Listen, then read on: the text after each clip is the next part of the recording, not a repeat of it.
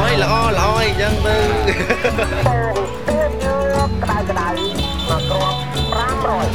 Het is ochtend in het avondland. Een podcast van Chris Janssens.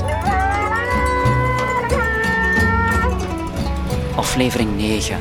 Sterk in kwetsbaarheid.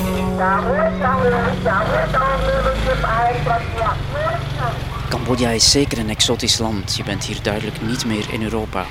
Maar het voelt op een manier ook vertrouwd aan. Toen ik hier voor het eerst terecht kwam, had ik net drie maanden in India gewoond. Is Mumbai een chaotische stad die dag en nacht gonst van de bedrijvigheid, dan lijkt het alsof je hier drie versnellingen lager schakelt. Zeker als het bijvoorbeeld gaat over opeengepakte mensenmassa's, sluikstorten op straat of zichtbare armoede. Toegegeven, ook hier fietsen kinderen voorbij met grote vuilniszakken vol flessen en blikjes waar ze een bedrag per kilo voor krijgen. Afval verzamelen is dé manier voor de allerarmsten om geld te verdienen.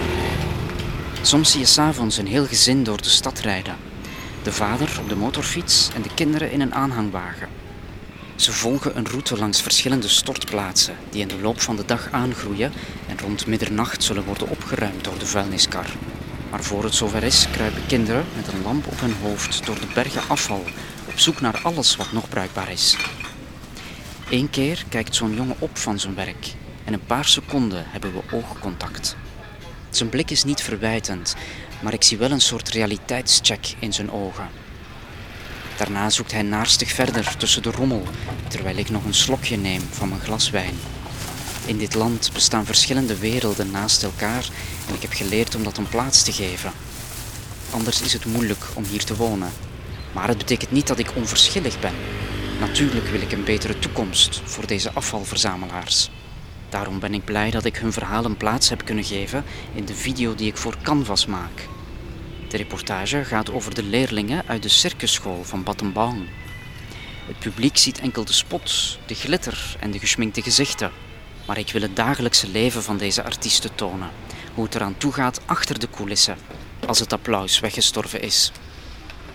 En een van de jongeren, Pinak, helpt zijn gezin met afval verwerken. Ik ga bij hem op bezoek. Zijn moeder zit naast hun huis op haar knieën in een zee van plastic flesjes die gesorteerd moeten worden.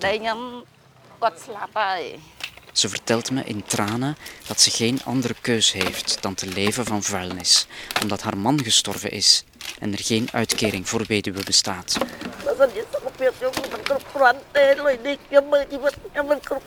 De eerlijkheid van deze vrouw raakt mij. Zonder het zelf te beseffen maakt ze een diepe indruk op mij door zich te tonen zoals ze is, zonder iets te verbloemen of te verbergen. Ik kan haar angsten zien, maar mag ook in haar dromen kijken ze zal dapper blijven rondrijden op zoek naar plastic, blikjes en stapels karton. Tot haar zoon Pinak later, met het geld dat hij verdient als acrobaat, voor een sociaal vangnet kan zorgen. Eenzelfde verhaal bij Dara, een andere ambitieuze artiest die op zijn 25ste al kostwinner is. Zijn naam betekent ster of vedette. Ook Dara woont bij zijn moeder en ook zij is weduwe. Ze is op dit moment erg ziek, zegt de jongeman mij vooraf, alsof hij mij wil waarschuwen voor wat ik bij hem thuis te zien zal krijgen.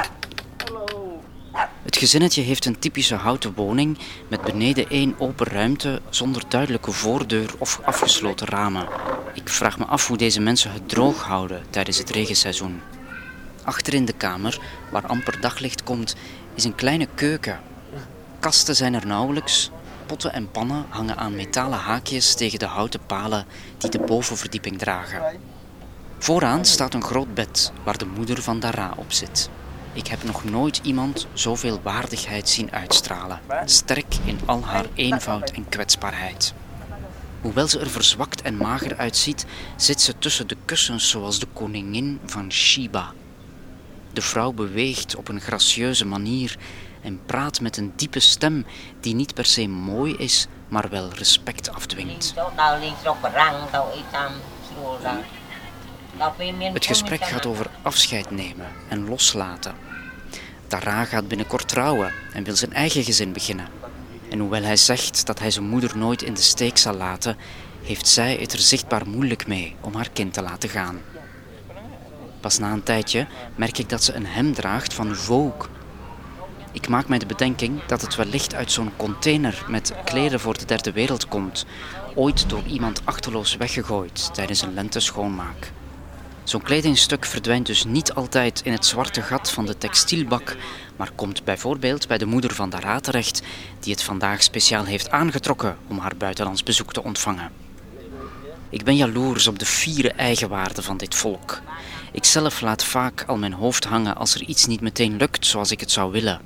Maar de Cambodjanen zijn trots op wat ze wel hebben en kunnen het leven recht in de ogen kijken met een blik van kom maar op met je tegenslagen. Lang na de montage van de Canvas-docu hoor ik dat Dara's moeder is overleden. Een zoveelste opdoffer.